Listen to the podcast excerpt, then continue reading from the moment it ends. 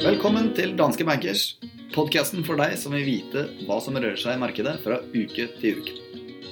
Mitt navn er Fredrik Ask Stensrud, og med meg i studio som vanlig så har jeg vår sjefstrateg Christian Lie. Velkommen, Christian. Tusen takk. Det er fredag i dag. Nå har vi klart å, å faktisk komme oss til en fredag og få spilt inn da. Det er jeg veldig fornøyd med. Så fortell meg, hva er det som har skjedd denne uka, Kristian? Ja, det har vært en eh, fantastisk eh, begivenhetsrik uke på, på mange måter. Eh, men det som kanskje har eh, bitt oss mest merke i, er jo selvsagt den turbulensen vi har sett i, i aksjemarkedene. Og vi har hatt en, en litt svakere utvikling eh, denne uken her enn vi har hatt eh, gjennom store deler av september for- øvrig. Når det gjelder det som har trukket stemningen mest i, i feil retning, det er jo flere dårlige økonomiske nøkkeltall eh, fra hovedsakelig USA, men også fra Europa og til dels også Storbritannia.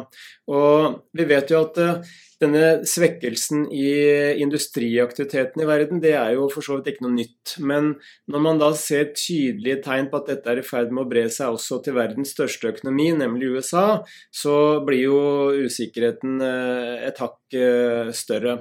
Og det som eh, skuffet mange, det var jo denne ISM-indeksen som det heter. Det er en PMI, en versjon av PMI-er.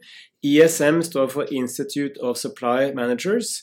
Og eh, viste da den svakeste industriaktiviteten i USA siden finanskrisen. Jeg må bare avbryte deg litt der, for jeg så en, eh, en post på, på Twitter fra en, en svensk kapitalforvalter som tok opp akkurat dette problemet rundt ISM. nå. Og eh, han har jo sikkert da en betydelig long bias i markedet, antakeligvis. Altså han sitter med mye lange posisjoner i markedet, og han mente at eh, ISM a- var et avvik fra de øvrige indikatorene når det gjaldt eh, svekkelsen i industrien. Og han mente at dette var bare en, eh, en fluk, og at det ville komme tilbake. Er, er det noe sannhet i det, eller, eh, eller er det bare tull? ISM-indeksen vil helt sikkert komme tilbake, men ikke med en gang. Fordi det, det man ser er jo at eh, bedriftene blir eh, mer og mer pessimistiske. Altså hvis man ser på stemningsmålinger blant amerikanske toppsjefer eller amerikanske finansdirektører, så er eh, pessimismen på finanskrisenivå. Og hvilke konsekvenser er det det får? Jo, det gir en direkte konsekvens i at bedriftene blir langt mer forsiktige med å øke kapitalinvesteringene. Det vil si at de holder tilbake eh, investeringer i nye maskiner, nytt utstyr, eh, nye bygninger. Eh, ny teknologi, software, eh, hva det måtte være. Og hva betyr det igjen? Jo, det betyr jo at ordreinngangen til industrisektoren faller. Eh, og industrien får mindre å gjøre. De må begynne å kanskje si opp eh, folk etter hvert, hvis aktiviteten ikke tar seg opp. Og så begynner det å gi negative ringvirkninger inn til resten av økonomien og bl.a. arbeidsmarkedene. Så det er ingen umiddelbar eh, ingen utsikter til noe umiddelbart vendepunkt i den amerikanske industrien eller den globale industrien for den, for den saks skyld, så lenge handelskrigen pågår, og til og med når den eskalerer, som den har gjort denne uken her, når eh, USA innfører tariffer på eh, import fra EU bl.a. Vi kan komme litt tilbake til det. Men når du sier det du sa der, er det ikke da ganske kritisk det tallet vi får senere i dag? Jo, eh, og det er også litt av det vi, som, også har påvirket markedet denne uken her. Fordi ikke bare var ISM-indeksen svak for den amerikanske industrien, men den var også skuffende dårlig for tjenesteytende sektor i USA. Og grunnen til at den er så viktig nå, det er jo at industrien utgjør jo bare 12-13% av amerikansk økonomi, mens servicesektoren utgjør rundt 80% av økonomien og er nært knyttet mot eh, husholdningenes forbrukskapasitet og eh, arbeidsmarkedene osv.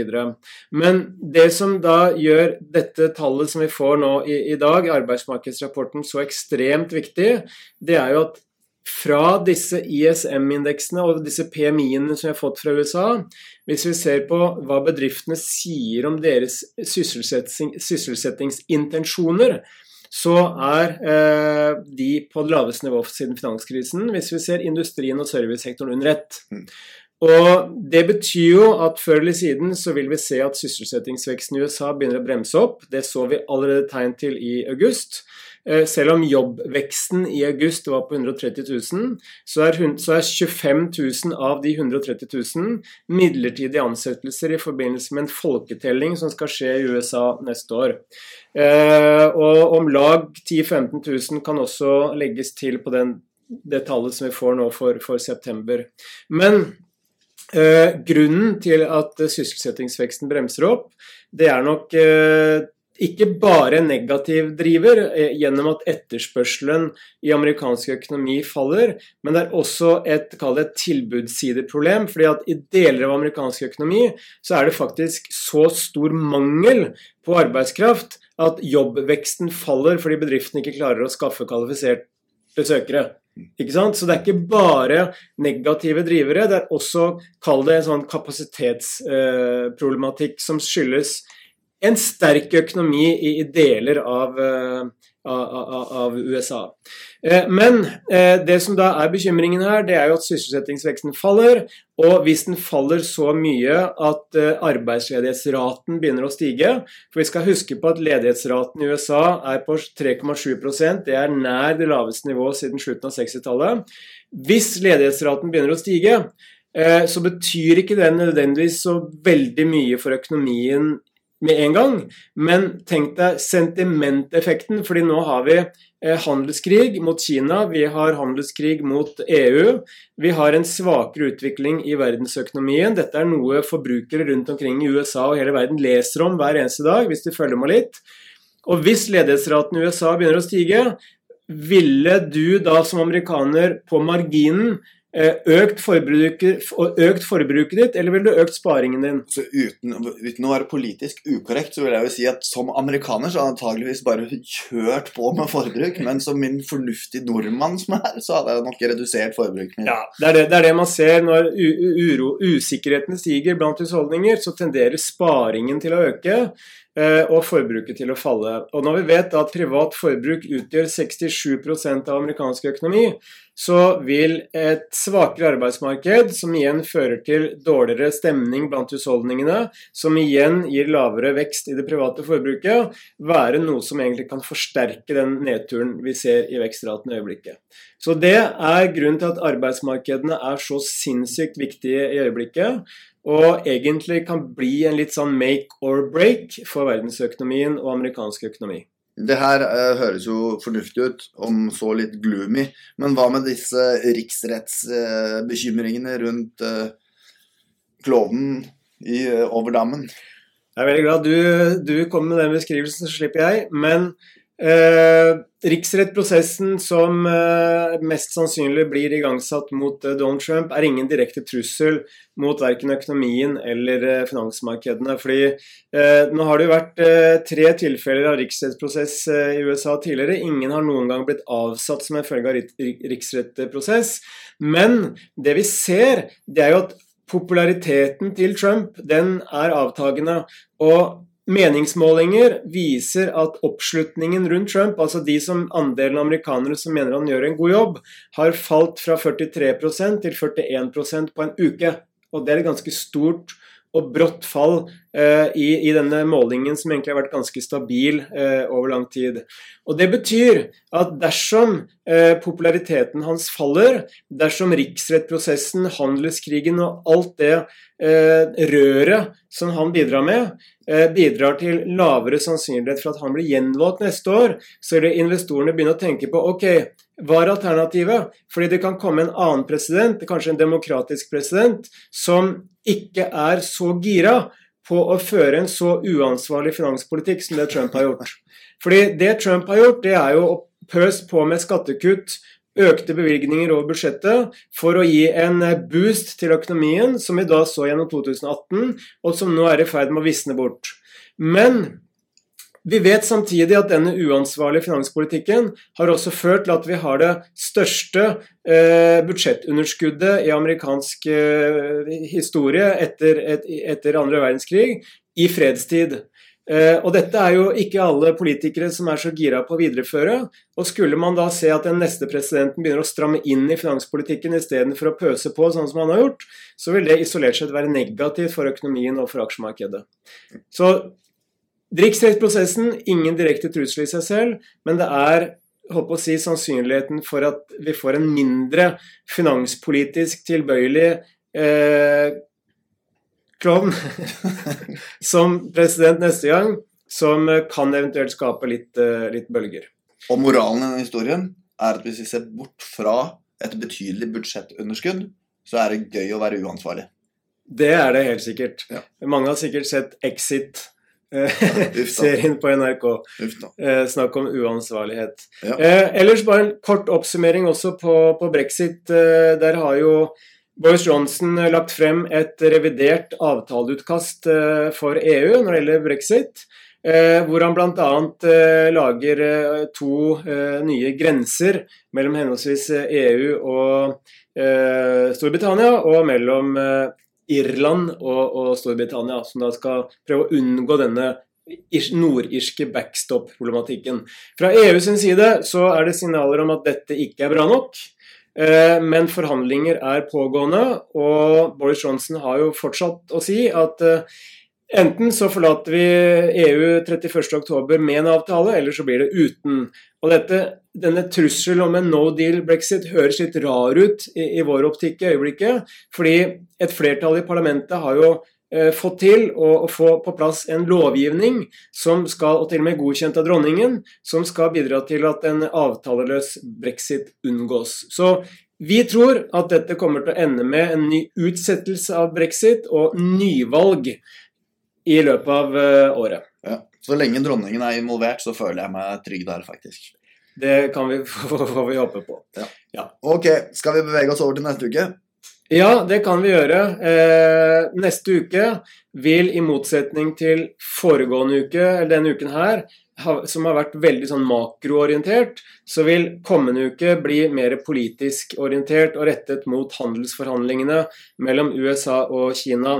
Og der har vi faktisk eh, snudd litt på våre egne forventninger, fordi vi tror at med svekkelse i amerikansk økonomi, turbulens i amerikanske aksjer og en ny front i handelskrigen med EU, eh, det kan føre til at Trump blir litt mindre trygg på sine egne disposisjoner, og at han kan være mer tilbøyelig til å inngå en midlertidig handelsavtale med, med Kina. Vi ser 60% sannsynlighet for det. Og Det vil kunne f.eks. være at uh, kineserne øker importen av amerikanske jordbruksråvarer i bytte mot at USA unnlater å heve tariffene uh, som er planlagt nå i, i midten av oktober og i desember. Tirsdag klokka åtte så får vi tall for tysk industriproduksjon. Tyskla, tysk økonomi er jo nær det vi kan kalle en teknisk resesjon, altså to påfølgende kvartaler med negativ økonomisk vekst. Det er industrien som har vært mest i, i trøbbel, og tysk eh, industriproduksjonstall vil på en måte belyse om vi er nær en bunn, eller om ting fortsetter å bli eh, enda verre. Og På fredag klokka halv fem så får vi forbrukertillitstall fra USA.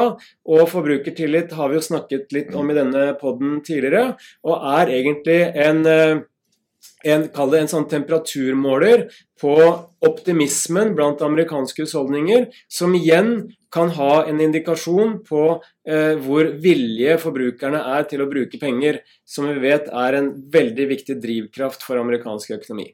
Absolutt. Veldig bra, Christian. Takk skal du ha. Jeg skal eh, oppsummere de viktigste sakene for neste uke. Jeg skal også ta markedsbevegelser siste fem dager.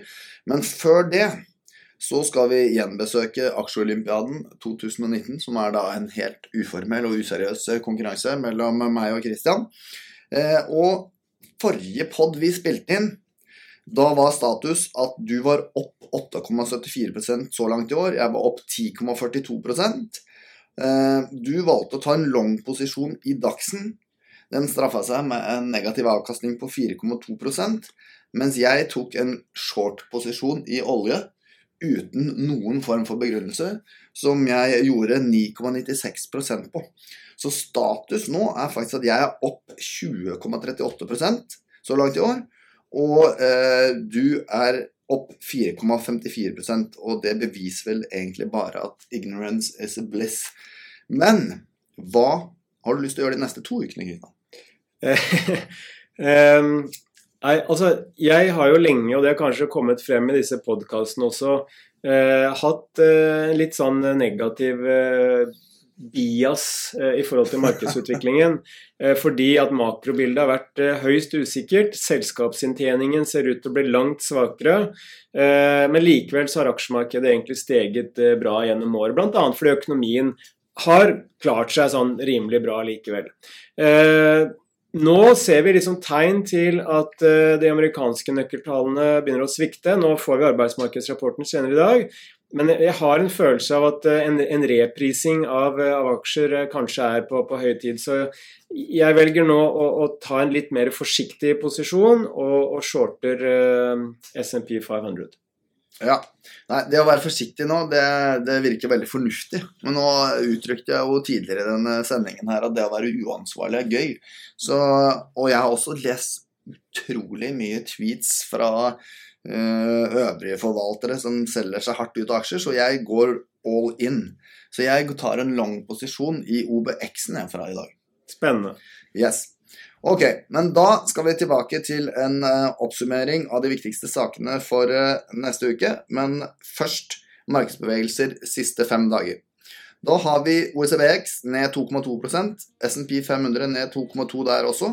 Eurostock 600 ned 3,2% og oljeprisen ned 8% det viktigste for neste uke er handelsforhandling mellom USA og Kina.